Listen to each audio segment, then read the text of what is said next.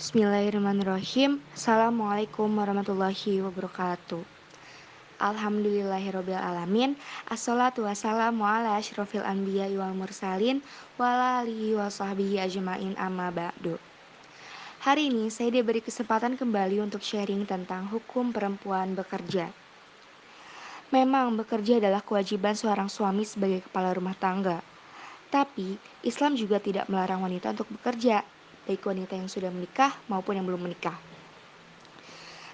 Menurut Ustadz Abdul Somad, wanita boleh bekerja jika memenuhi syarat-syaratnya dan tidak mengandung hal-hal yang dilarang oleh syariat.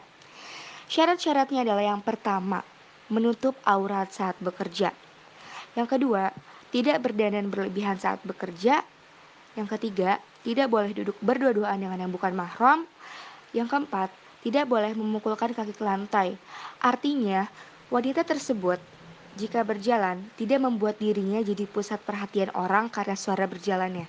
Dan yang kelima, harus dengan syarat tidak membahayakan agama dan kehormatan, baik untuk wanita maupun pria. Pekerjaan wanita harus bebas dari hal-hal yang membahayakan agama dan kehormatannya, serta tidak menyebabkan fitnah dan kerusakan moral pada pria. Jadi, Islam tidak melarang wanita untuk bekerja selagi wanita tersebut memenuhi syarat-syarat yang telah ditetapkan dan tidak mengandung hal-hal yang dilarang oleh syariat. Sekian dari saya, kurang lebih mohon maaf. Wabillahi taufiq wal hidayah. Wassalamualaikum warahmatullahi wabarakatuh.